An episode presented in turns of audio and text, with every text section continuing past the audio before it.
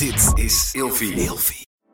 De overgang. 85% van de vrouwen tussen 45 en 60 jaar ervaart overgangsklachten. Klachten die kunnen leiden tot een verkeerde diagnose of langdurige arbeidsongeschiktheid. Wat kun je doen als je overgangsklachten ervaart? Hoe maak je dit bespreekbaar op je werk? En als jouw medewerker bij jou komt, wat kun je als werkgever dan doen? Sector Instituut Transport en Logistiek heeft een kennisplatform ontwikkeld waar jij terecht kunt voor tips en adviezen. Wil je er meer over weten? Kijk dan eens op stl.nl/slash overgang. Of je nu samen slaapt of alleen, een goede nachtrust is essentieel voor een goede relatie met jezelf en de ander. Emma Sleep komt nu dan ook met een hele fijne korting, waardoor je koninklijk kan slapen. Met de code Relatievragen in hoofdletters krijg je 10% korting bovenop de 50% korting die je nu krijgt op het bed dat ik bijvoorbeeld heb. De Emma Storage Deluxe Boxspring.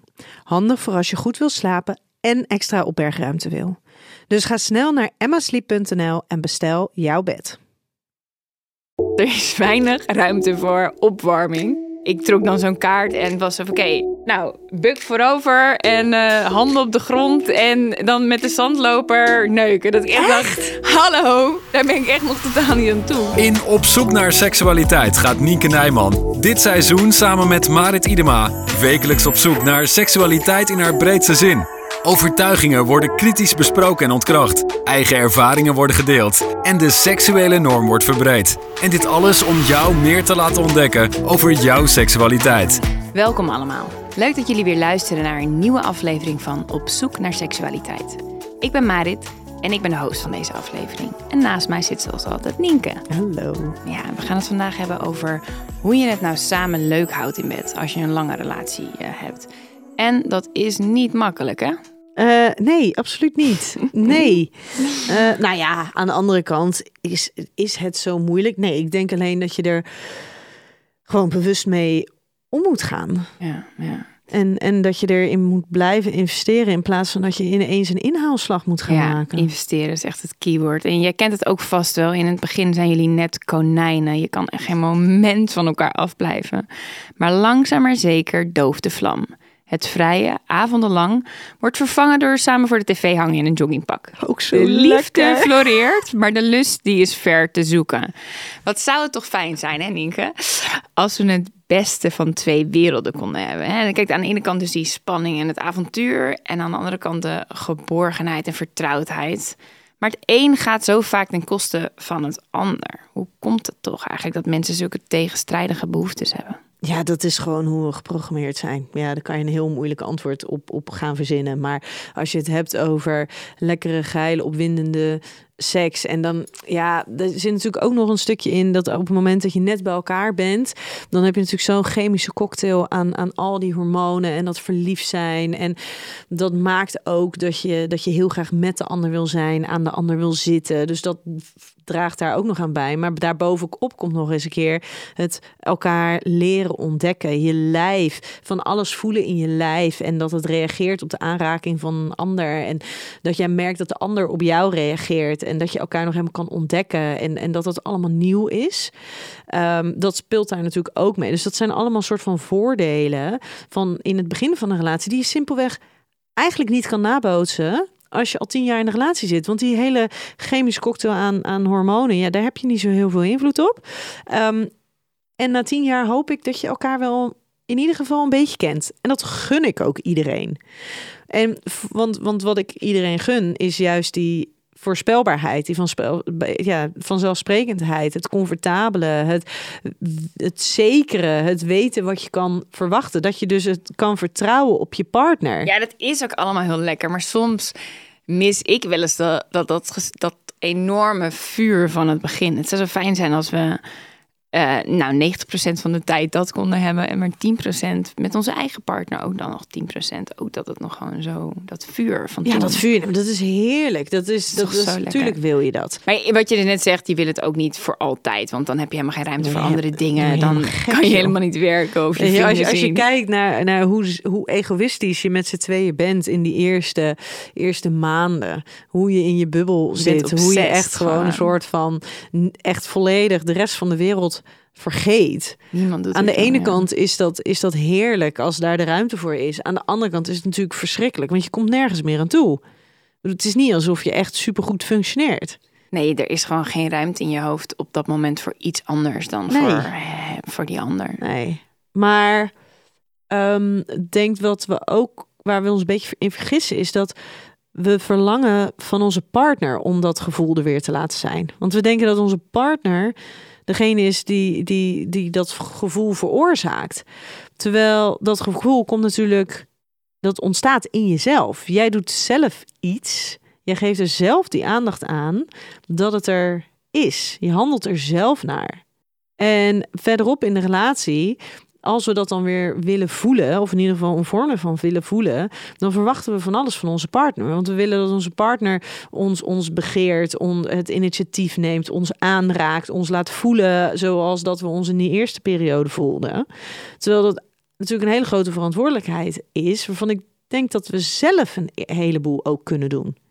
Als jij je sexy voelt, als jij jezelf heel erg in contact voelt met je eigen seksualiteit, ja, dat is ook heel erg belangrijk. Om vervolgens je partner daarbij te betrekken. Zo vaak denken we er überhaupt niet over na. En we doen maar wat. En we voelen wat we voelen. Eh, en dan verwachten we gewoon inderdaad dat op het moment dat dat hele, hele intense gevoel, als dat over is, dat we dat dan, ja, dat, dat we dat dan misschien ook weer bij iemand anders moeten gaan zoeken. Dat we trekken daar toch ook wel vaak bepaalde conclusies uit. Hè? Ja, maar als je dat op die manier gaat doen, daar gaat het op een gegeven moment ook weer over. Ja, dat, je, dat zie je wel vaak. Hè, van die mensen die forever zoeken naar die high. Ja, en die high die ga je niet gedurende een periode van 20 jaar vinden bij één iemand. Nee, nee, dat is zeker zo. Je kan je ook Nee? afvragen. Nee, je kan je ook afvragen. Nee, sowieso niet. Eh, je kan je ook afvragen of, weet je, aan de andere kant is het misschien ook achterhaald dat we met z'n allen de, eh, de ambitie blijven hebben om zo lang bij elkaar te zijn. Je kan ook zeggen van je bent in een bepaalde periode eh, met een bepaald iemand. Dat ik je hoop dan. toch wel dat ik 20 jaar... Ja, eh, ik hoop het ook heel ja. erg. Ik hoop het lijkt ook. heerlijk. Ja, lijkt me ook heerlijk. Maar dat is niet voor iedereen, hè? Nee, En- dat is ook zeker zo. ja. Maar daarin wel bewust zijn van, van het stukje... ja, wat gebeurt er dan nou ja, met die erotiek? Wat gebeurt er met die seksualiteit? Hoe Ja. ziet, ik ben daar oprecht ook best wel heel erg nieuwsgierig naar... hoe dat zal lopen. Ja, en bereid zijn om te investeren en bereid zijn om, om te werken vooral. Want het gaat niet vanzelf, dat is een illusie. Ja, en niet hopen dat het ineens anders wordt. Ja, en ook niet hopen dat het vanzelf weer goed komt. Als nee, er, want het komt het niet. het komt echt niet vanzelf goed. Weet je, en ook daar, ook daar moet je geen conclusies aan verbinden. Als het niet... Ja, soms moet je... Dat is, we hebben ook een bepaald romantisch beeld bij een relatie. Hè? Dat het vanzelf moet gaan en dat het moet vlammen. En dat als je ja, heel bewust gaat plannen en investeren... dat is niet hoe het hoort te zijn. Want zo gaat het niet in films. Nee, maar goed, er gaat wel meer niet. En Nee, daarom, in maar, films. nee, maar En toch vind ik het wel bizar hoeveel mensen zo'n idee hebben van een relatie. Een Ja. totaal geromantiseerd beeld van ook misschien wel wat we op Instagram zien. Hè. We zien zo vaak toch wel die, de perfecte stellen die dan weer ergens met z'n tweeën met champagne op een of andere Zoals jullie. berg staan. hey, ik weet niet of jullie mij nog volgen, maar eh, dat, eh, dat eh, ziet er heel anders uit tegenwoordig. Ja, ja, ja, ja, ja. Nee, Ja. ik probeer, ik bedoel, ik probeer wel allebei de kanten te laten zien. Ja. ja, maar voor de zwangerschap was dat natuurlijk wel anders. Ja, maar toen was het dat ook wel echt. Terug naar toen, alsjeblieft. Ja, Ja. oh, wat grappig zeg. Ja, hoe lang ben jij eh, samen met jouw eh, man? 8,5 jaar? En eh, merkte je iets van die, eh, ze zeggen wel dat zeven jaar zo'n omslagpunt is, toch? Nee, zeker niet. Nee, die zeven jaar, die seven year itch heb ik totaal niet gewerkt. Wat ik wel wist was dat die eerste zeven jaar, want je hebt toch altijd zeven slechte jaren, slechts zeven goede jaren. Volgens mij zeggen ze meer dat je na zeven jaar bent veranderd als persoon. Dus dat het Ja. heel lastig is om dan, ja, of om elkaar te blijven vinden. Ja. Dus soms groei je in zeven jaar uit elkaar. Ja, maar dat is inderdaad die seven year itch. Maar daar parallel Ja. aan zeggen ze wel eens van, eh, de, de, ook in het zakenleven, van je hebt zeven goede jaren, zeven slechte jaren. Nou, we hebben En- de zeven slechte jaren hebben we gehad. Zeven hele slechte jaren. Ik hoop niet Ja. dat je het nu over seks hebt. Nee, nee, nee, dat niet. Maar we hebben slecht, zeven Pech. slechte jaren hebben wij zeker gehad. Eh, maar dat heeft eh, gelukkig niks eh, afgedaan aan ons. En dat vind ik altijd wel heel, heel, heel lekker idee. Vandaar dat ik ook, als jij het hebt over de komende twintig jaar, dat ik denk, ja, nou, ik ben benieuwd wat ons, Oké, even, kan halen even voor de mensen die luisteren. Jullie hebben op persoonlijk vlak heel veel tegenslagen gehad, hè? Ja, ja, ja, ja, Ja, en heel, daar heel zijn veel jullie- eh, tegenslagen. Ja, ik vind het wel bijzonder altijd. Ik, ik weet dat en ik vind het wel heel bijzonder hoe jullie als stel inderdaad zo sterk staan. En dat jullie je niet van de kaart laten brengen door, eh, ja, door die tegenslagen. Dat, is, dat kan lang niet iedereen. Nee, en dat voelt wel, eh, dat voelt he- heel fijn. Ja, dat, Dat snap ik. Want ik denk fijn. ook, ik heb dat nu ook wel meer. Want wij hebben dan samen nu, eh, ja, samen, ik heb het eh, een leeuwendeel gedaan natuurlijk, maar samen kanker gehad. Dus toch iets wat de partner ook veel last van heeft. En je weet wel, nou, we hebben een heel erg, ons kind is een enorme uitdaging. En we hebben dus kanker overleefd. Dus dan, je staat Wel wel... overleven het kind en kanker. Ja. Nou, dat klinkt lekker. Ja, maar het is wel zo. Weet je, je weet wel. Ik vind wel, over het algemeen gooien mensen snel de handdoek in de ring tegenwoordig. En wij weten nu wel dat we nou met hele grote, heftige situaties kunnen dealen. En dat Ja. is denk ik voor jou ook zo. Ja, en dat vind ja, dat ik nogmaals, ik vind dat dus een heel lekker idee. En wat je dan vervolgens natuurlijk wel ook hebt, is dat er binnen al, al die dingen die er gebeuren in, in het leven. En voor de een zal het, al, nou ja, zal het niet lijken op de dingen die we hebben meegemaakt, en anderen weer wel. Er is niet altijd evenveel ruimte voor seksualiteit. Nee. En ik denk dat dat, eh, dat, dat ook wel heel erg oké is. Ja. ja, en proberen jullie wel die ruimte, als die er een tijdje niet is, hoe houden jullie het samen leuk? Wat, wat is jullie eh geheim? Nou, dat is, soms is dat best wel een beetje. eh, soms is dat. Nou ja, nee, we hebben het in principe in de basis samen altijd leuk. Maar het is soms wel zoeken naar dat stukje. Verbinding en erotiek. Nou ja, het stukje erotiek vooral. In mijn beleving is die verbinding, maar ik krijg heel veel verbinding uit intimiteit. En we werken natuurlijk heel veel samen, dus ik haal daar heel veel verbinding uit. Hebben wij eerder gesprekken ook over gehad. Hij ziet dat wel anders, want hij ziet dat meer functioneel. Hmm. Weet je, hij ziet het ook echt als werken. Terwijl we van, eh, van de week weer een dag samen hadden op kantoor. En dat hij toch echt wel ook zei, ook, ik vind het zo leuk om lekker weer samen op kantoor te zijn. Dus Dat het voelt wel cute. Ik echt zou als mijn samen. vriend echt doodmaken als ik samen met hem Eh, werk. Dat ja, zou ik echt nee, wij- vreselijk kunnen dat echt wel heel goed. En het heeft wel even geduurd, hè? Het heeft wel even geduurd voordat we echt een modus in, in kunnen vinden hoe wij goed samen kunnen, kunnen Kijk, werken. erg kan ik me wel voorstellen dat het werkt als goede lijm als je gewoon echt een heel goed team bent en dat op een hele smoete manier samen fixt. Ja. Dat je gewoon echt. Maar ja, dat is dus dat, dat, dat, het is, heeft dus niet altijd met, met erotiek en seks te maken. En dat vind ik af en toe wel gek eigenlijk. Dat eh, voor mij is dus ook als wij dus als er dingen gebeuren of we hebben het druk, dat voor mij erotiek helemaal niet zo nodig is om die verbinding aan te gaan. Hmm. Dus dat je dan eerder, dat ik merk dat ik eerder op zoek ga naar, eh, naar intimiteit, naar verbondenheid, in samen zijn, in samen gesprekken voeren, in en lichamelijk? nou, tegen de ander aan liggen. Ik merk wel, ehm, toevallig had ik dat van de week, dat ik echt tot in mijn diepste voelde. Dat ik dacht, ik wil gewoon, ik wil je, ik wil je aanraken. Ik wil je, ik wil bij je zijn. Ik wil tegen je aan liggen. Ik wil, ik wil contact. Dus echt dat fysieke contact. Ehm, en dan merk je, oh ja, daar is dus even een tekort van geweest. Maar ik vind het ook wel weer heel fijn om dat dan te kunnen voelen. Dat dat er wel is. Dat je dat, daar, wij hebben het eerder over, over jaloezie gehad. Weet je, dat het soms heel lekker kan zijn om wel even een vorm van jaloezie te voelen. Omdat dat dan ook een stukje bevestiging geeft van, oh ja, maar dingen Mijn doen gevoel me zit wat. goed, Mijn ja. gevoel, weet je, mijn gevoel hoort bij jou. En het doet me wat als jij iets doet waar, nou ja, waar ik me niet comfortabel bij voel. Ja. In plaats van dat er onverschilligheid is. Ja. En ik vind dat, vind, vond dat dus van de week heel, eigenlijk wel heel fijn om te voelen van, oh ja, maar, ja, maar ik, ik wil echt wel, naast dat we gewoon een team zijn en heel goed kunnen samenwerken, wil ik met jou zijn. Ja, en soms is het zeker, nou, we hebben allebei een kind. ehm, je merkt dan ook wel dat er, je werkt zo hard en je runt je gezinsleven. Dat je gewoon soms echt kan snakken, inderdaad, naar bij elkaar zijn. Omdat er gewoon, het is niet meer vanzelfsprekend. Het is niet Nee. meer iets waar je op elk moment tijd van voor hebt. Dus soms heb je het ook niet eens door, hè, dat je inderdaad dan denkt van, wow, het is echt lang geleden. Moeten nu moeten we hier iets mee. Ja, en dat je dan dus alsnog soms dan een soort van met een dilemma zit. Shit, maar ik heb morgen ook een deadline. Dus ik moet eigenlijk ook nog werk doen. En dat je dan een soort van die afweging moet gaan maken. Ja, En dan ben je al zo rationeel ermee bezig. ja.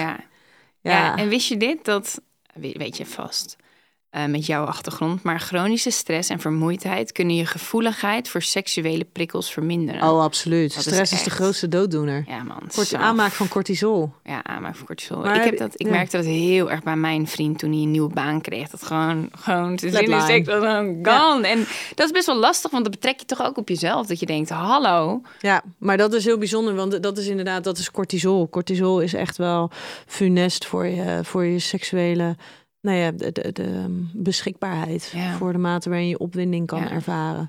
Maar ik vind ook wel dat als je het hebt over langdurige relaties, ehm, daarin beseffen dat die periodes er mogen zijn, zonder dat je dus direct je relatie in twijfel trekt. Want dat vind ik zo, zo complex dat mensen dus dan een periode dat er dus even wat minder seksualiteit is. En dat ze daar dan heel erg onzeker van worden. En ineens gaan twijfelen over de relatie en over een stukje aantrekkelijk vinden. Terwijl ik dan af en toe denk van jongens, Kan maar aan jezelf liggen. nou ja, maar dit is als Ja. je kijkt naar, naar de, de grotere context en wat er allemaal binnen je relatie gebeurt. Er gebeurt een heleboel in je leven of er gebeurt één groot ding. Ga nou niet van jezelf verwachten dat als je dus zoveel cortisol aan het aanmaken bent, dat je dan ook nog eens ruimte hebt voor seks. Ja, oké, maar weet je wat cortisol weer vermindert? Dat is wel knuffelen en alles, hè? Dus je kan wel... Ja, dat is wel, maar daar moet Kijk, je wel uiteindelijk, ruimte voor hebben. Ja, je moet er ruimte voor hebben, maar ik ben niet helemaal met je eens. Want ik denk wel, het is ook wel makkelijk hè, dat je in die fase van, oh, ik heb er geen zin in, ik neem die afstand. Terwijl ik denk, voor mij lijkt het me in ieder geval heel lastig om het dan weer op te pakken. Dus soms heb ik zoiets van, ik heb er geen ruimte voor, ik heb er geen zin in, maar ik doe het toch. ja. Want uiteindelijk pluk ik daar de vruchten van en wij als stel ook. Ja, maar er is een, ik denk als je inderdaad cortisol aanmaakt en ehm, wat inderdaad heel erg prettig daarbij werkt is, is nou ja, oxytocine Ja. ehm, en, en, en endorfines. Eh endorfines dat, dat wordt eh, aangemaakt op het moment dat er eh, lichamelijk contact is, want dan, door aanraking van de, de, de zenuwuiteinden wordt, wordt dat geproduceerd. Dus dat is heel prettig en dat maakt dat we ons verbonden voelen en dat, dat- dat- ja, het is ons gelukshormoon. Maar oxytocine, dat komt niet alleen vrij bij seks. Hè? Dus daarin is inderdaad het volledig... Heel veel mensen herkennen dat wel. Dat ze dan helemaal gestrest zijn van hun werk. Ze hebben een hele drukke eh, dag gehad. En dan komen ze thuis. En dan gaan ze even bij hun partner op de bank liggen. En ze leggen hun hoofd tegen de borst staan. En ze voelen zichzelf helemaal leeglopen. Ja, Dat, is wat oxytocine doet. Ja, maar dat is heerlijk. En dat is Gewoon heerlijk. Die druk op je borst voelt. Dat is, ja, en dat is heerlijk. Maar daar heb je geen seks voor nodig. Nee, maar ik heb het hier. Ik kijk wel verbinding, weet je. Dat Ja. is gewoon belangrijk. En intimiteit. Intimiteit, ja. Maar daar zit dan wel echt. En, en ehm, als er veel stress is, dan ehm, is er heel vaak geen ruimte voor seksualiteit. Omdat het gewoon dan te Ja. veel inspanning kost. Maar ga alsjeblieft die intimiteit niet uit de weg. Nee. En ik zou ook wel zeggen, ga op zoek naar een manier. Kijk, als het eventjes een maand is of twee maanden, of het is iets, iets, iets in een korte periode, oké. maar op het moment dat dat dus niet zo is, stel je voor, je hebt dat altijd in je baan, dan zou ik wel op zoek gaan naar manieren om je leven Naar anders. nieuwe baan. Nou ja, om je leven anders in te richten. Misschien kan je met andere dingen, als die baan heel belangrijk is, dat je het op een andere manier regelt. Maar het lijkt me niet gezond. Niet voor je relatie en ook niet voor je als mens. Nou ja, en wat je ook nog eventueel kan overwegen is omdat ehm, seks in je eentje en seks met een ander, daar, daar ervaren heel veel mensen echt wel een verschil in, in hoe hoog die drempel is. Omdat sommige mensen ervaren wel die opwinding, maar die hebben dan geen behoefte om op dat moment initiatief te nemen naar een partner toe. Of het, het, de, het moment is er niet voor, want het is overdag en je bent gewoon niet eens bij elkaar of zo. Maar probeer dan in ieder geval om zelf antwoord te geven aan je eigen stukje Dat seksualiteit. vind ik een hele goeie. Zodat je inderdaad, je zoekt het bij jezelf en je zorgt dat je eigen vlammetje niet volledig dooft. Ja, want daar weet Ja, je dat dat kost vaak, vaak Ja, veel, ve- minder, veel minder inspanning. inspanning. Zeker, als je dat gewoon regelmatig blijft doen. En het kan zo klein zijn als: hey, ik voel het nu. En ik mag er heel even bij blijven in mijn gedachten. Of desnoods even een berichtje sturen naar je partner van: hey, ik voel het. Yes. En masturberen ontspant. Dus dat Ja. is dan weer mooi meegenomen. Absoluut. hey, ik heb een luisteraarsvraag eh, van C. ik wilde bijna de hele naam zeggen. En ze is 31. Mijn vriend en ik zitten in een sleur. Ik volg jou al een tijdje en ik weet dat jij een beetje van de vrije liefde bent. Ieder zijn ding, maar ik moet daar dus echt niet aan denken. Mijn vraag: zijn er ook dingen mogelijk binnen de monogame relatie om het in bed wat spannender te krijgen? Tuurlijk. Ja, zeker weten. Heel veel. Nou, vertel het eens. Wat denk jij dat er mogelijk is binnen een monogame relatie? Jezus, moet ik me wel heel erg in een ander gaan verplaatsen? Nee, ja, ik heb wel... laat, me- laat maar eens even zien hoe het zit met je inlevingsvermogen. Met. Nou, doe het dus op een andere plek dan op de plek waar jullie het altijd doen, bijvoorbeeld. Oké, dus Ja. dat ga je de komende 30 jaar doen. Ja, Alleen- jezus, stapje voor stapje. en we doen het alleen nog maar in de tuin. Nee, natuurlijk niet de komende 30 jaar. Maar ik denk wel dat change of scenery, dat dat wel kan helpen. Dat het weer een beetje, weet je, misschien willen jullie zo een keertje samen doen in de wc van een restaurant. Oeh, Stout. oeh. Kan toch spannend zijn? Vind je helemaal niet? Ben je Nou, helemaal niet mee Ja, dat weet ik niet. Ligt eraan hoe schoon en groot Hele en geluidsdicht. met marmer. Oh, Nee, I don't know. Nee, maar vind je dat lastig? Kan jij je daar oprecht een voorstelling bij maken hoe mensen binnen een monogam, eh, monogame relatie een relatie lang een fijne seksuele relatie hebben? Tuurlijk, want ik heb eigenlijk op dit moment een monogame relatie. Ja, maar dat is nog niet 20 jaar, hè? Nee, dat is zeker nog niet 20 jaar. Heel lang jaar. Voelt als 20 jaar. Dat ene jaar en je had wat anders aan je hoofd. Zeker. En hoe spannend is het geweest tussen jullie? Heel spannend, Nou, echt. Ik. Lekker levensvermogen hier, hoor. Nee, natuurlijk wel. Kijk, ik heb ook wel... Natuurlijk, wij experimenteren ook met anderen, maar...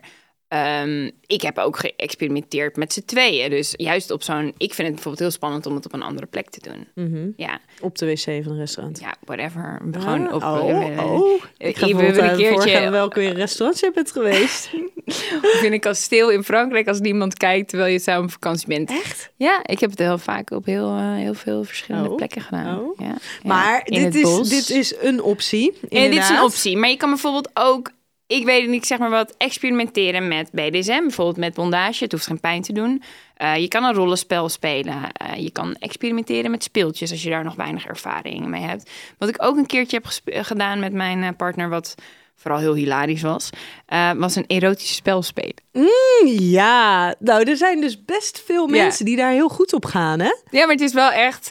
Ik heb dan Ultiem Verlangen Oh, gespeeld. ook. Eh, maar je hebt ook bijvoorbeeld Truth or Dare, de eh, Ja. erotische editie. Ehm, ja, dat was best grappig. Wijntje erbij en dan gewoon. Wijntje erbij is wel handig Heel dan, hè? belangrijk. Ja. Ja. Wat ik wel fucking heftig vond van het ultiem verlangen is dat er is weinig ruimte voor opwarming. Ik trok dan zo'n kaart en was van oké. nou, buk voorover en eh, handen op de grond en dan met de zandloper neuken. Dat ik echt, dacht, hallo, daar ben ik echt nog totaal niet aan toe. Oh, wauw. Ja, Oh, wauw. oh, dat is misschien wel een hele goede überhaupt om even mee te nemen. Dat dat als, als feedback op dat spel. Ja, ja, dat je gewoon dat je moet beginnen met bepaalde met, met opwarmkaarten of zo. ja. Maar goed, het is wel hilarisch, want je en het is ook wel leerzaam en leuk ehm, en nieuw, omdat je gewoon wel het in posities doet die je eh, nog niet eerder hebt verkend samen misschien, maar ook gewoon er zijn ook andere dingen die eh, chocola van elkaar aflikken en dat soort dingen. Zit dat ook bij het spel? Ja, dat zat ook bij het spel. Maar oh, ik Er heb staat die- ook trouwens bij, Echt? dat weet ik nog zo ik heb goed. die doos heb ik echt al vier jaar Ja? dicht liggen. Dus Oh, misschien er zit echt hilarisch er in. chocola in. Ja, nee, nee, er zit geen chocola Oh. bij. Die chocola moet je wel zelf kopen, helaas. Ik denk dat ze ligt er Oh, daar welke er ook in stond. En wij hadden zoiets van, nou, we gaan het doen en we gaan een opdracht ook uitvoeren. Niet van, oh, die vinden we niks, dan doen we hem weg, weet je. Dus we hadden geen ruimte voor dat dat. En dus er, op een gegeven moment was er ook, stond er ook een, was er ook een opdracht. Rol je, je vriend of vriendin in plastic. Dat je echt denkt, wat? Wat? Ja. Echt?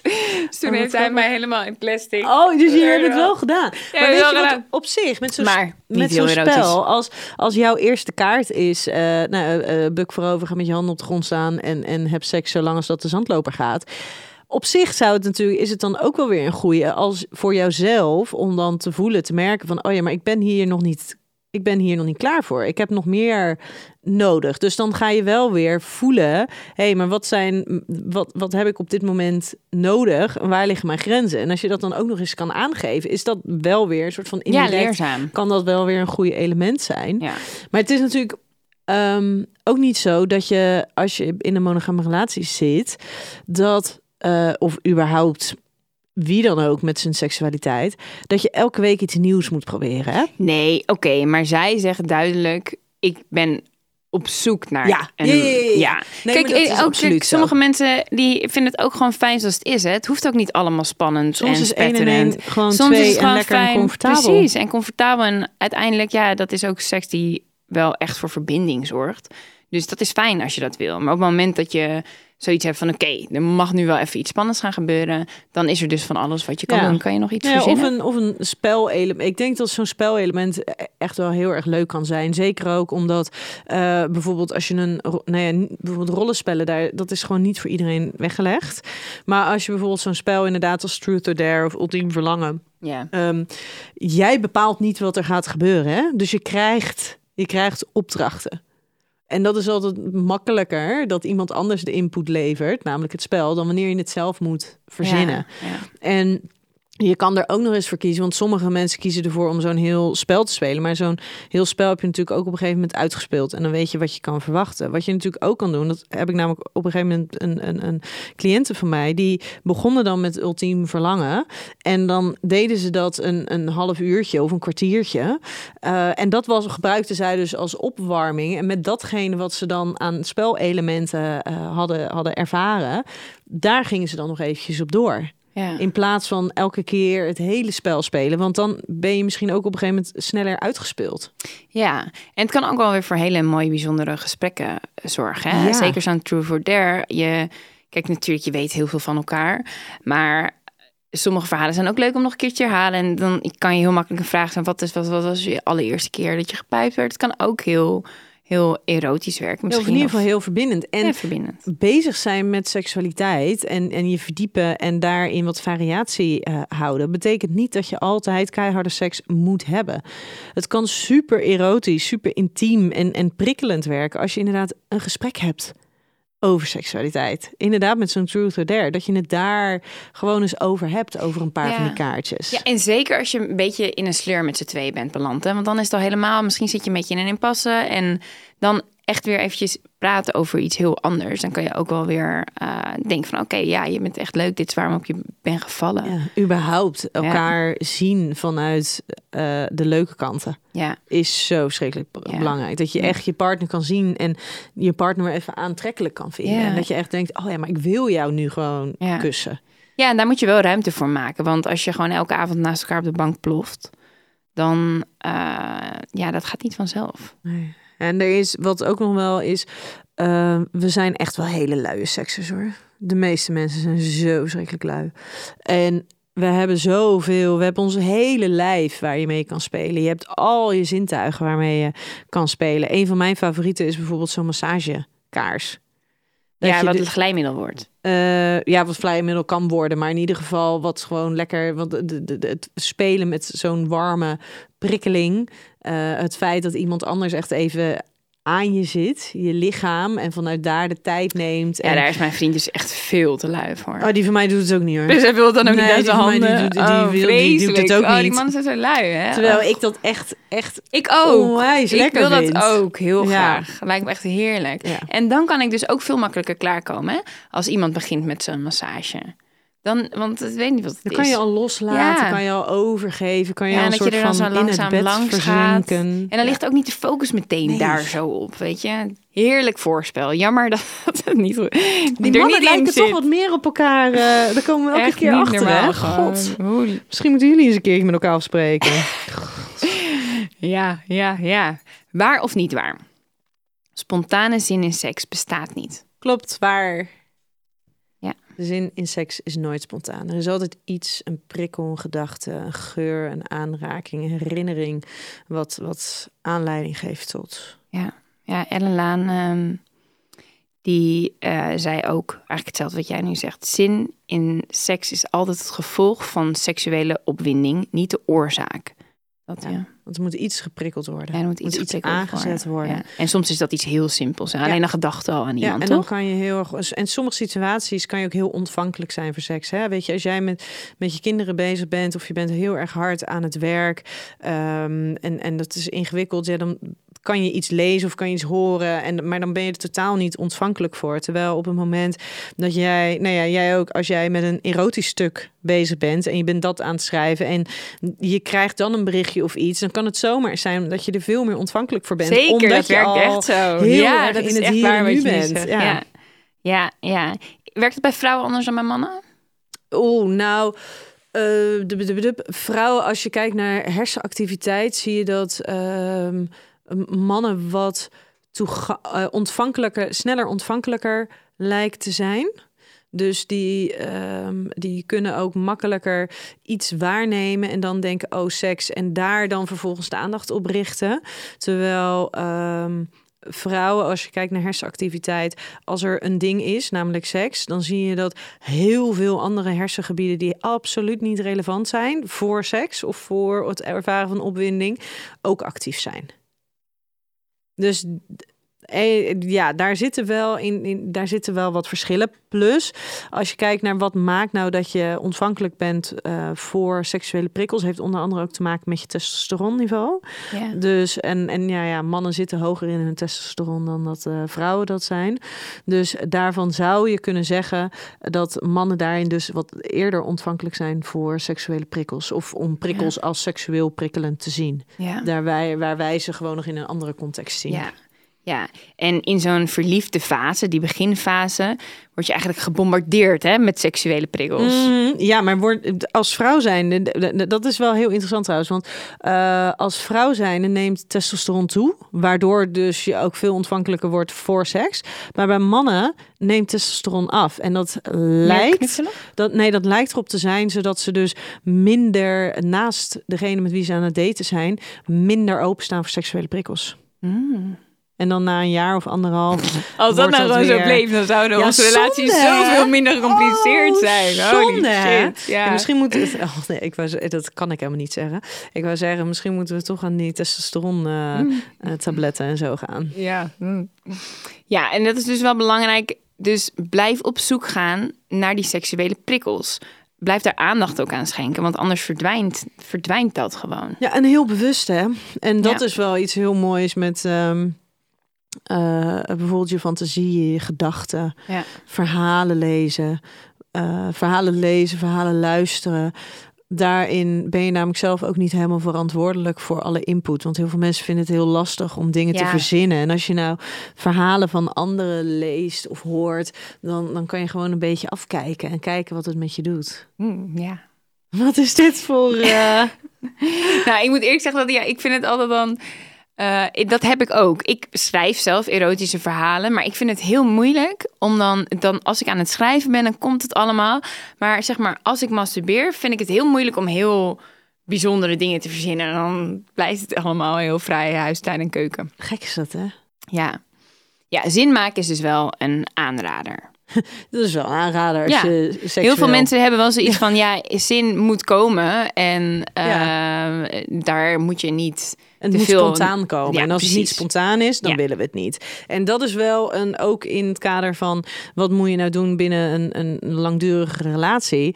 Ehm, heel veel mensen die gaan echt enorm stijgeren als ze het idee horen dat ze moeten, tijd moeten plannen. agenda seks. Agenda seks, dan gaan ze helemaal stijgeren. Maar het hele idee is, het betekent helemaal niet, oh, dus dan gaan we seks hebben. Nee, dan heb je in ieder geval tijd om aandacht te gaan besteden aan elkaar, aan erotiek. Ja, en als penetratie dan iets is wat voor jou dat je denkt van daar heb ik helemaal geen zin in, dat hoeft ook Dat niet hoeft altijd. hè? niet. Ja, want dat hoor je ook heel vaak dat vrouwen zoiets hebben van oh nee, eh, ik ben er, ik heb daar helemaal geen zin in.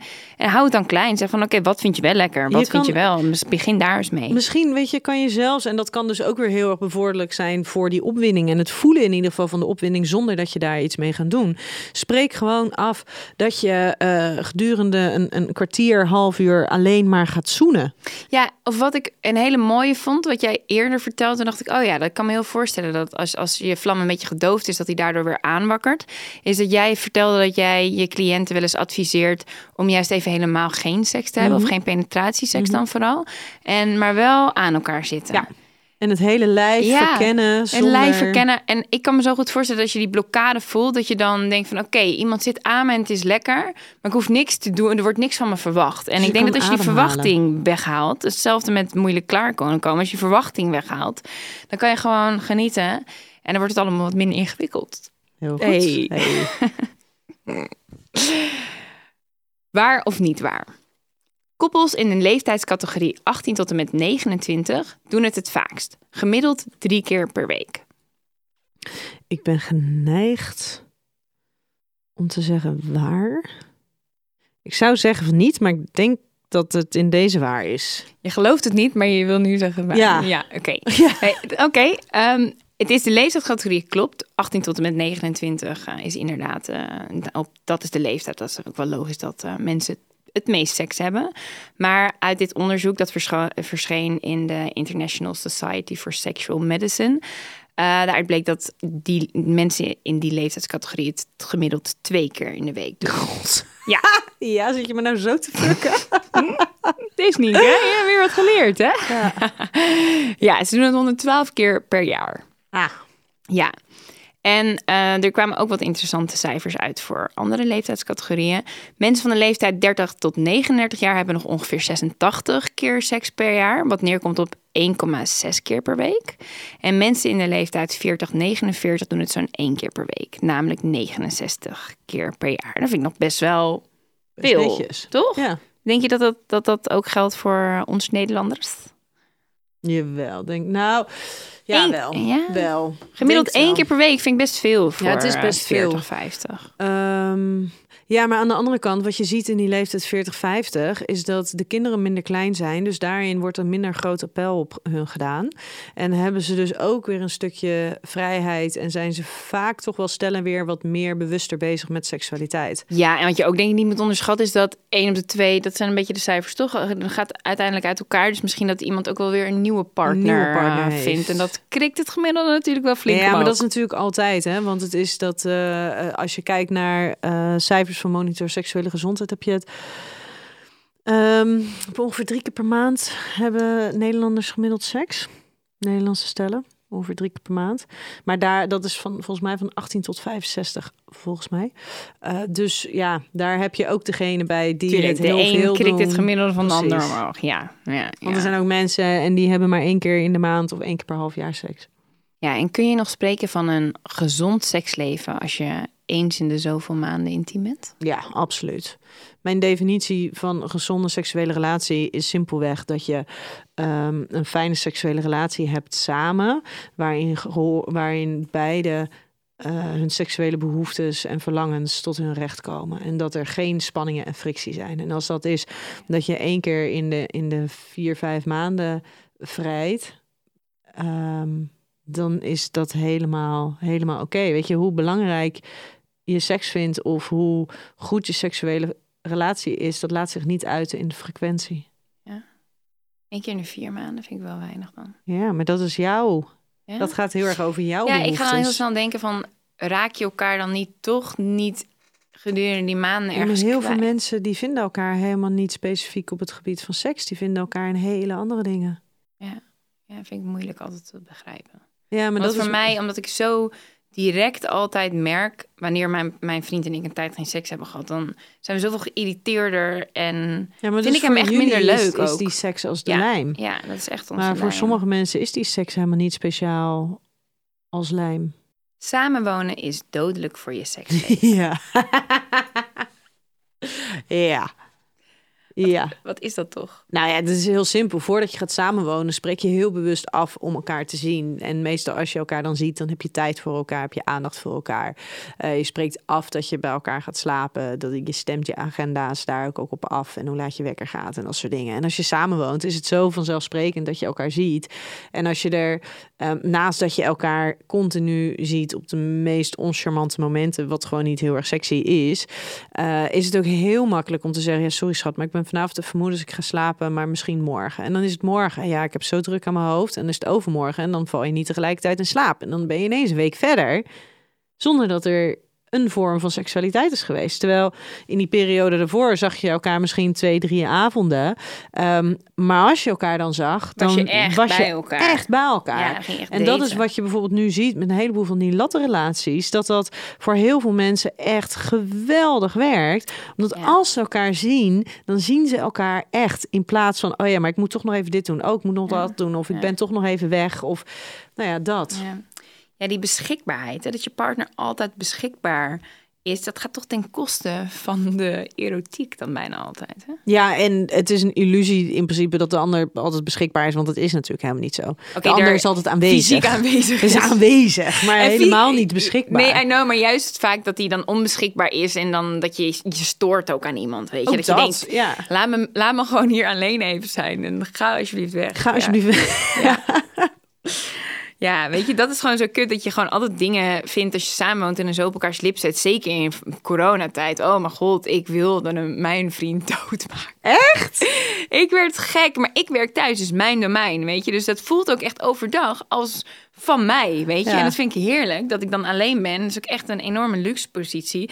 En ineens zat hij in mijn omgeving met zijn harde stem en zijn telefoontjes. En... Heb je gehoord hoe, zelf, hoe hard jij zelf praat als je belt?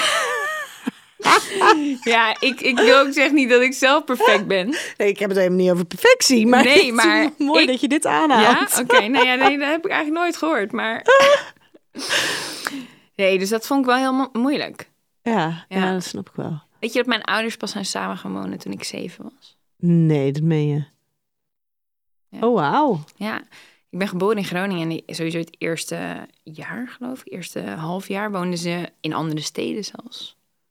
Ja, En hoe deden ze dat dan? ja af en toe een weekend Amsterdam en eh, dan door de week zoals ik kwam bij mijn moeder. Oh, wauw. Ja, En jouw ouders waren wel samen? Ja, ze waren wel samen. Ja, ja, ja. En toen zijn ze verhuisd. eh, toen is mijn moeder hierheen verhuisd, maar hadden ze wel twee aparte appartementen. Oh, wauw. Kan niemand nu nog betalen. Nee.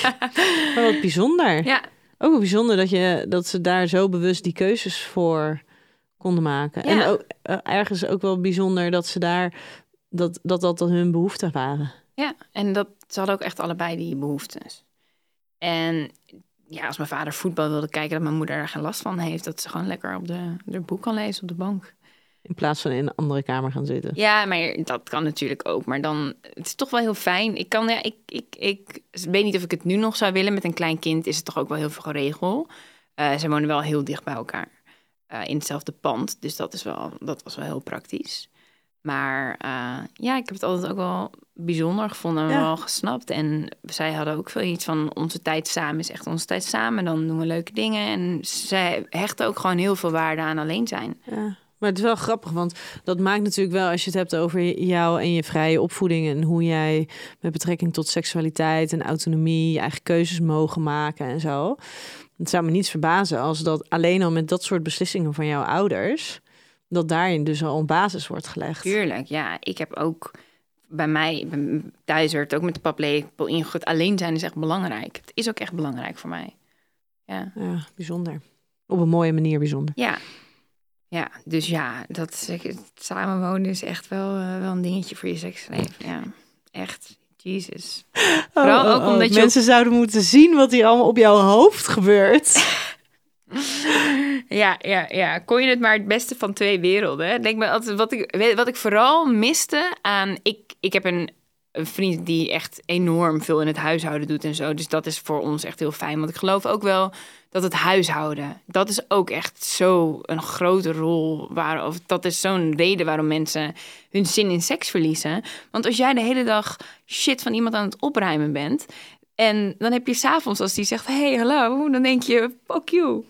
Toch? Ik denk echt investeren in heel- je seksleven. We zijn heel goed in allerlei excuses verzinnen. Hè? Ja, maar ik denk wel zeker als je net kinderen hebt, dan denk ik van, ik krijg wel vaak berichten van mannen die dan zeggen van ja, eh, mijn vriendin wil nooit meer seks sinds het kind. En dan informeer ik even naar de thuissituatie. En dan komt er eigenlijk vaak op neer dat ze totaal niet meehelpen in het huishouden. En dan denk ik van ja, als er geen ruimte is voor een moment voor jezelf. En als je constant voor je gevoel aan het werk bent, dingen aan het oplossen bent, aan het zorgen, aan het Ja, opruimen. dan krijg je totaal geen erkenning. Dan krijg Ja, maar je krijgt geen nul erkenning daarvoor. Erkenning, ja. Maar er is ook geen ruimte voor seks, want je bent de hele tijd voor je gevoel aan het werk. En waarschijnlijk erg je ook nog kapot omdat je iemands anders shit aan het opruimen bent.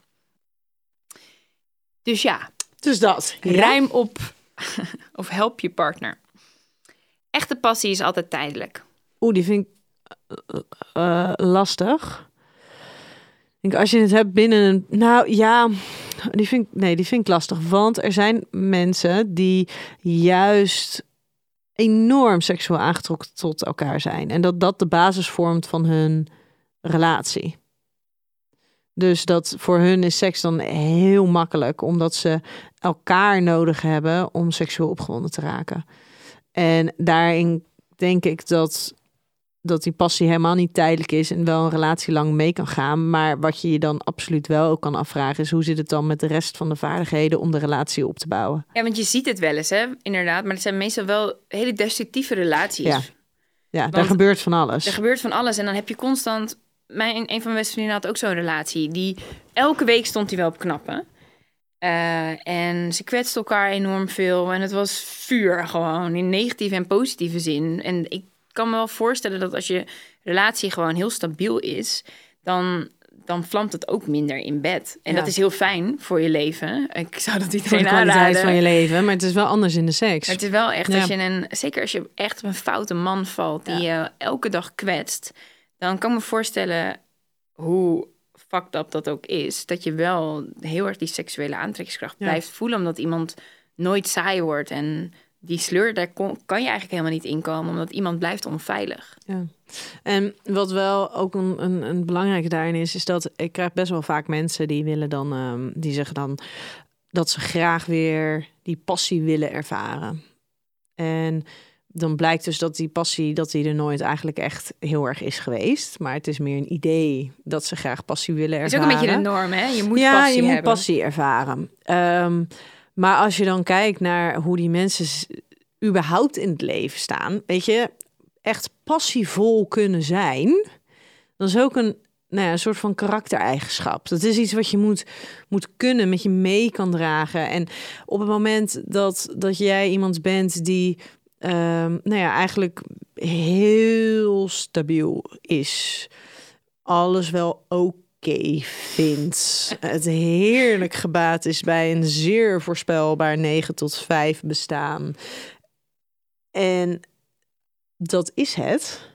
Ja, dan is het ook wel lastig als je wel van jezelf verwacht dat als het dan om die seks aangaat, dat je dan ineens vol passie bent. En helemaal aanstaan en helemaal in het moment kan opgaan. En, en ze zeggen wel eens van eh, eh, stille wateren hebben diep gronden. Tuurlijk, dat is ook wel zo. Niet per maar definitie. eh, dat is zeker niet per definitie. En als Nee. jij dus iemand bent die, eh, die, die dus heel gematigd door Ja. het leven gaat, wat voor heel veel mensen heel erg prettig is, want daar gedijen ze heel erg goed bij. Dan moet je jezelf wel afvragen van ja, maar kan ik van mezelf verwachten, ook al lijkt het je heerlijk, dat je echt zo passievol in die seks komt te staan? Misschien maken we dat wel te belangrijk. Ja, Kijk, ik geloof dat het altijd wel een, een fase is en een, hoe, eh, hoe minder zeker je bent van, van de ander en van liefde, hoe meer er toch wel dat soort hele extreme nou, hoe meer er gebeurt. Ja. En daarin is ook passie, wat je dan, waar je het niet moet verwarren, is dat zeker als je dus een hele passievolle relatie hebt, als in de, er, er is een heleboel emotie en er is een boel aantrekken en, en afstoten en er gebeurt van alles. Daar zit natuurlijk ook eigenlijk altijd de, de angst om de ander te verliezen. Je weet nooit Ja. welke beslissing de ander te gaan maken. Mij lijkt het bloedverziekend spannend en vervelend om in zo'n relatie te zitten. Maar aan de andere kant, heel veel mensen komen ook onverwacht in zo'n relatie terecht. En die passie die we vaak denken te voelen, bijvoorbeeld als we seks hebben nadat we ruzie hebben gehad, is heel vaak niet opwinding en, en, en passie. Is heel vaak dat we gerust worden gesteld, Ja. dat we de ander niet kwijtraken. ja, dat is echt zo. Dat je denkt angst van, oh, je wordt bent hier nu bij mij en ik wil... je bent er maar je wordt ook zo geconfronteerd dan met hoeveel je van iemand houdt en hoe erg je iemand maar niet is het kwijt houden wil. van? Nou ja, in Of ieder is geval... het de angst om ja, de, de andere- angst van, maar ook dat je denkt van ik wil jou, want ja, ik denk dat dat, kijk, in op het moment dat je gewoon 100% zeker bent van de liefde van je partner, ben je daar niet zo naar op zoek naar die bevestiging. En nu in zo'n situatie natuurlijk wel. Ja. Ja. Maar misschien moeten we er dus wat minder eh, waarde aan hechten. Het is aan zeker passievolle seks. En natuurlijk, het is heerlijk als het er is. Ja, Maar passie gaat niet altijd alleen maar. Dat is ook een beetje de vertaling die we dan aan passie geven. Dat het echt. Dat, dat, dat het er van af moet patten en dat de kleren door de hele kamer moeten vliegen en dat het een en al geiligheid is. Maar passie kan misschien dan ook weer meer in dat je je heel erg verbonden voelt in het moment en heel erg op kan gaan in het moment samen, in je, in je, in je cocon samen. En dan hoeft het dus, dan mag het allemaal op, op zeg maar één vierkante meter plaatsvinden. Maar dat het meer het gevoel en de overgave is aan het moment, dan dat je gillend door de kamer heen wordt gesmeten. Ja. ja, en wat je zegt, het is niet voor iedereen weggelegd, dat soort... ex- Nee. Dat soort mate van voelen. Ja. Denk je dat je eerder passie kan ervaren als je vreemd gaat? ja, want er zitten sowieso wat onzekere factoren bij. Weet je, het is inderdaad, het is. eh, Het niet mogen het maakt niet het mogen, maar ook de ander niet hebben. Weet je, daarom zijn echt affaires zijn echt funest, omdat ze seksueel gezien vaak zo lekker zijn. Ja, en ze zeggen, het- dat zegt inderdaad ook zo weinig over de seks die je met je partner hebt. Ja. Het zijn zulke andere omstandigheden. Want 9 van de 10 keer begint een seksueel of een affaire op basis van de seksuele aantrekkingskracht die je met iemand voelt. Dus dan heb je automatisch al een streepje voor. Want dan gebeurt er op seksueel gebied gebeurt er dus waarschijnlijk kennelijk van alles met je. En als je dat dan vervolgens mag gaan, eh, gaan exploreren, ja, dat is dus bijvoorbeeld al anders dan de seks met je partner. Ja, zo lastig blijft het toch? Hè? Mhm. Zo lastig hoe wij als mensen in elkaar zitten. Want dat zorgt er wel gewoon voor dat aan de ene kant hebben we zo behoefte aan die partner voor het leven. Maar aan de andere kant lukt het ons ook gewoon totaal niet. En daardoor, ja, het kost... Nou ja, totaal niet. Er zijn natuurlijk heel veel mensen die, die het wel heel niet. goed kunnen. vaak niet. Maar het is regelmatig dat we... we doen elkaar wel veel pijn. Ja, absoluut. Voor seks, super stom eigenlijk. Bevredigende seks in een slechte relatie is onmogelijk. Nou ja, daar is dus wat vind jij bevredigend? Want een beetje wat we net noemden, als het dan is het dan inderdaad oprechte opwinding of is het dan eh, geruststelling van de angst de ander te kwijt te raken? Is het vanuit ik wil je, ik wil die verbinding met jou aan en ik wil bevestiging hebben? Ehm, Ja, ik denk dat het inderdaad wel kan spetteren, maar dat het misschien niet zo snel gezond zal zijn. Ik, nee, dat de betekenis ervan, Ja, dat die niet altijd zo bevredigend is als je het van een perspectief, tenminste eventjes van een afstandje bekijkt. ja. En dan kan de seks kan echt wel heel lekker voelen. Ehm, maar dat, ja, dat gaat eigenlijk veel meer om andere factoren dan echte oprechte opwinding. Ja, het kan er ook voor zorgen dat je een soort van obsessie krijgt. hè, Dat je zo verslaafd raakt aan die seks dat je ook niet meer helemaal helder ziet hoe eh, destructief die relatie Ja. is. Omdat je denkt, die seks is toch zo lekker. Een voorwaarde voor een goede relatie is dat je elkaar appetijtelijk vindt. Dus ook, dan bedoel ik ook goede, een goed seksleven en een goede relatie. Eh, nee. Nee? Nou, ja, nee, dat is trouwens... eh, ja, ja, maar dan is de definitie van een goede seksuele relatie... is dus dat er een, een vorm van een seksuele relatie is zonder frictie of spanning. En hoe je hem dan inkleurt, dat is aan de mensen zelf. Dus in intensiteit, frequentie, hoedanigheid. Ja, daar verschillen wij in van... Oké, dus wacht even. Je kan een goede relatie hebben in jouw ogen en een goed seksleven als je iemand niet meer fysiek aantrekkelijk vindt. Nee, je hebt het over seksuele relatie. Ja. Ehm, fysiek aantrekkelijk vinden. Ehm, ik denk dat de ander fysiek aantrekkelijk vinden, de naar de ander kunnen kijken en denken: ja, hier word ik blij van. Dan naar de ander kunnen kijken en denken: oh, wat ben je, wat ben je eigenlijk mooi. Ik denk dat die heel belangrijk is. Tuurlijk, dat, ik denk dat het oprecht heel belangrijk is en dat we elkaar daarin heel erg uit het oog verliezen en, ehm, Ja, want en, dan- en verwaarlozen. Ja, v- verwaarloosd. Wat dan ook, als ik het even op mezelf betrek, dat is dan, ik ben heel ijdel. Eh, maar mijn, mijn, mijn partner ziet mij echt gewoon alleen maar als halve zwerf altijd thuis. Daar probeer ik dan ook wel op te letten. Maar echt, die ziet me echt zo'n... Als hij, nou, ik denk dat hij me één keer in de week normaal fatsoenlijk aangekleed ziet met make-up. Als ik de deur uitga naar mijn werk of naar een etentje met iemand anders. Of Ja. met hem natuurlijk ook wel. Oh ja, een etentje met iemand anders, dan kleed je je wel mooi Nee, bij hem ga ik gewoon met joggingbroek. Nee, nee, Ja. tuurlijk. Als we echt een date night hebben, dan, dan doe ik wel mijn best. Maar hier, ik denk dat het hier ook best vaak misgaat. Hè? Absoluut. Weet je, helemaal die hele coronaperiode was ook echt... Wij zaten alleen maar in joggingbroeken thuis, in gaten in onze sokken. En op een gegeven moment zei ik echt van... Oké, dit moet echt anders, want dit is echt verschrikkelijk. En toen hebben we gezegd, oké, we gaan nu leuke, comfortabele kleding kopen voor thuis. Ja. Dat dragen we. En het mag best lekker zitten, maar dit gaat gewoon echt te ver voor erbij en je hebt tegenwoordig een heleboel hele leuke, Ja. comfortabele kleding. Dus dat is helemaal prima. Je hoeft er niet continu opgedirkt bij te lopen. Maar een van de dingen wat, eh, wat bij ons thuis op een gegeven moment was, dat hij op een gegeven moment aangaf van, ja, ik zou het volgens mij wel leuk vinden als je, als je dan, zeker als je een paar dagen dan rondom huis bent, dat je in ieder geval even een mascaraatje opdoet of zo. Weet je, dat je niet... En dan ik Dapper weer van je, man, heel blonde, dapper. blonde wimpers. Dus het was echt net Ja. alsof ik überhaupt geen, anders is het net alsof Ja. ik helemaal geen wimpers heb. Dus die snapte ik ook. En dan vervolgens doe je dat dus even. En dan, nou ja, elke keer als je zelf langs de spiegel koopt, loopt, het oogt ook heel anders. Ja. En dat betekent helemaal niet dat je altijd maar opgedoft hoeft, hoeft rond te lopen. Maar poets even je tanden. Ja, haal die yoghurt Haal- om je mond weg. Precies, hou even toch die borstel Ja. door je haar heen. Maar echt, dat vooral Dat ook. soort dingetjes. Ja, en dat zijn kleine dingetjes, maar die zorgen er absoluut wel voor dat je de ander kan blijven zien. Ja, maar het sluipt er zo in bij mensen, hè? echt. Nou ja, en als je, Ongelooflijk. als je het dan hebt over lange relaties. Als jij eh, elkaar ontmoet terwijl je halverwege de 20 bent en je bent op een gegeven moment halverwege de 40. Ja, dan is het toch wel heel fijn dat ondanks die 20 jaar, dat je elkaar ook nog fysiek aantrekkelijk vindt. Dat Ja, je naar de ander kan kijken. Dat je elkaar. naar het lijf kan kijken, dat je naar de kop kan kijken, de uitstraling kan kijken, de kleding kan kijken. En dat je denkt, ja, hier word ik wel blij van. Ja, En dat is wel, ja, dat is, weet je, en dat is bijvoorbeeld ook zo mo- iets moois aan date nights. Ehm, als je dan echt weer even je, je mooie kleding aan kan doen. Echt even je best kan doen. En of het nou in huis is of uit huis is, want niet iedereen heeft de mogelijkheid om uit huis te gaan.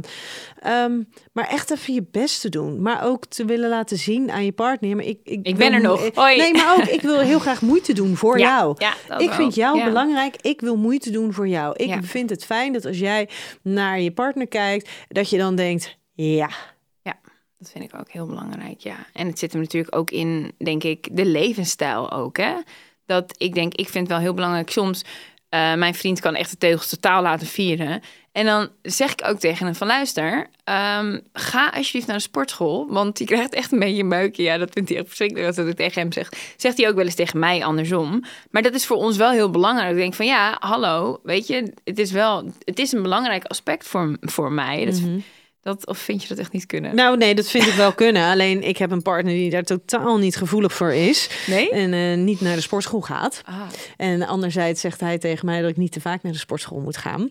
Dus wij liggen daar, dat is heel grappig, wij liggen daar in, eh, in eigen lichaamsbeeld. En hoe wij zelf ons eigen lijf zien, liggen wij gewoon mijlenver uit elkaar naar hoe we dat bij de ander zouden willen zien. Dus dat, dat is heel grappig. Ja, want het is dus maar iets- hij vindt jou toch gespierd? Ja.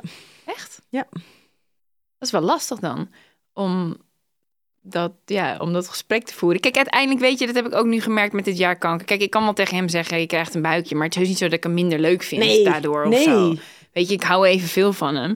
Maar goed, het oog wil ook wat. En eh, als hij er eh, heel lekker uitziet, dan is het wel makkelijker voor mij om zin te krijgen in seks met hem. En ik vind het ook aantrekkelijk Ja. als hij lekker gedisciplineerd bezig is. Ja, En, dat eh, is ook, maar dat is ook, het is aan het, dat stukje zelfzorg, even Ja. los van hoe het eh, er vervolgens fysiek uitziet, stukje zelfzorg maakt aantrekkelijk. Ja. Dat iemand eh, de motivatie heeft om inderdaad met zijn voeding bijvoorbeeld bezig te zijn Ja. of in beweging te zijn. Ja, de beste versie van zichzelf willen zijn. Precies, Dat en dan dat hoeft ook niet 24/7, maar het maakt iemand wel aantrekkelijk als diegene voor zichzelf wil zorgen. Ja. en het is wel lastig als je daar heel anders in staat, Ja. lijkt me voor jullie. Best lastig. Ja, maar dat is ook lastig. Maar goed, dat is vanaf dag één. Nou, nee, voor hem is het niet lastig. nee, maar dat is heel vanaf- lekker op de bank, dag één is dat ook een ding geweest waarvan ik wist dat wij daar anders in waren. En ik heb me daar de eerste, denk het eerste jaar dacht ik, kom nou eens in beweging, want ik wil graag oud met je worden. En als je zo doorgaat, weet ik niet hoe oud jij gaat worden.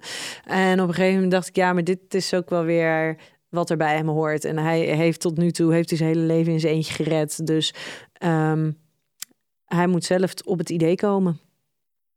Ja, Kijk er hem even aan. nou hè. Kom even in beweging, schat. Ah.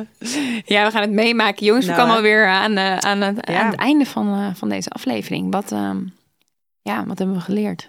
Ehm, dat je bewust moet investeren in seksualiteit, dan wel sensualiteit, erotiek in de breedste zin. Ja, en ik denk dat het nog wel goed is om te benadrukken dat hele idee van, dat, van het libido, dat bestaat gewoon niet. We hebben seksuele, we hebben prikkels nodig om opgewonden Ja. te raken. En dat kan klein zijn, dat kan groot zijn. En dat mag een leven ja, lang, het zal dat in beweging Ja, zijn en beetje, veranderen. soms is het makkelijker dan een ander, maar wees niet te hard voor jezelf. En denk vooral niet van, oh, dat moet vanzelf ontstaan en anders is er wat aan de hand. Nee, want vanzelf gebeurt er helemaal niks. Ja. Er is nog nooit. Het enige wat er vanzelf gebeurt is dat die zon opkomt. Dat is het enige. Ja, Ehm, voor de rest moet je gewoon een beetje daarin willen investeren. En voel dat niet als een falen. Voel dat niet als een iets wat onnatuurlijk is.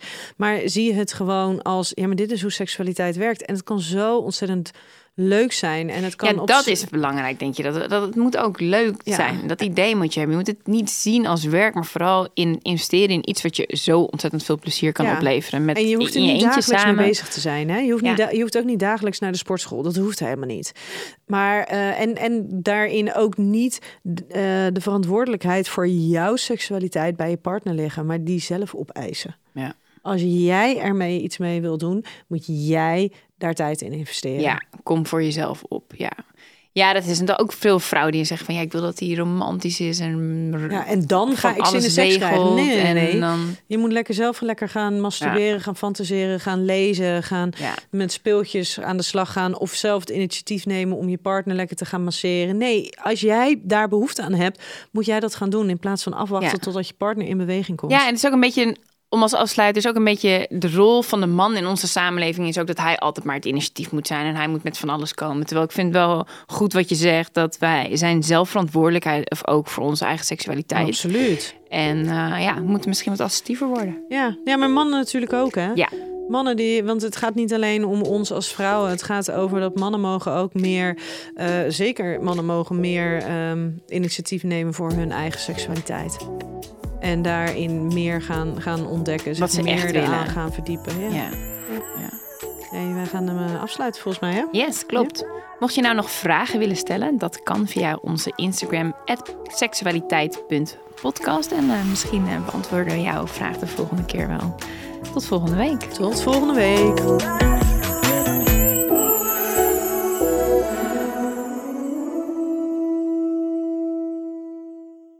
Met de code Relatievragen in hoofdletters krijg je 10% korting bovenop de 50% korting die je nu krijgt op het bed dat ik bijvoorbeeld heb. Dus ga snel naar emmasleep.nl en bestel jouw bed.